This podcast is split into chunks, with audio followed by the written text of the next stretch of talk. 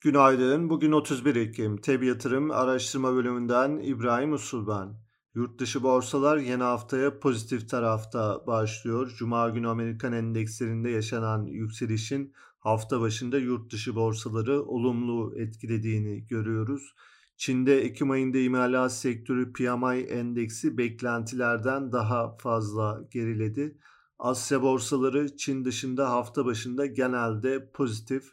Avrupa borsalarının %1'e yakın yukarıda açılması bekleniyor.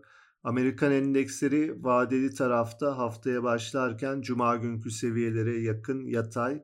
Dolar endeksi ve ABD tahvil faizleri haftaya hafif yükselişle başladı. Ons altın satıcılığı. Bu hafta küresel tarafta ABD Merkez Bankası toplantısı önemli olacak. Gösterge faizde 75 baz puanlık yeni bir artış daha bekleniyor.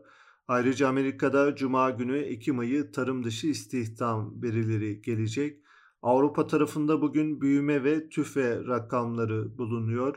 Euro bölgesi ekonomisinin 3. çeyrekte %1 büyümesi, Ekim ayında tüfenin ise yıllık bazda %9.9'dan %10.2 seviyesine yükselmesi bekleniyor. İçeride borsa şirketlerinin 3. çeyrek sonuçlarıyla birlikte Perşembe Ekim ayı enflasyon rakamları takip edilecek.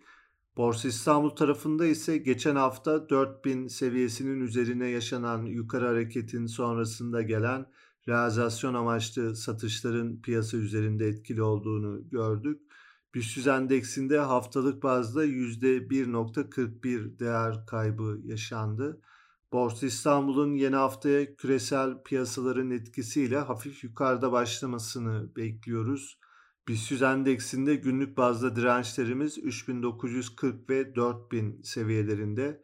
Destek olarak 3840 ve 3805 seviyelerine bakılabilir.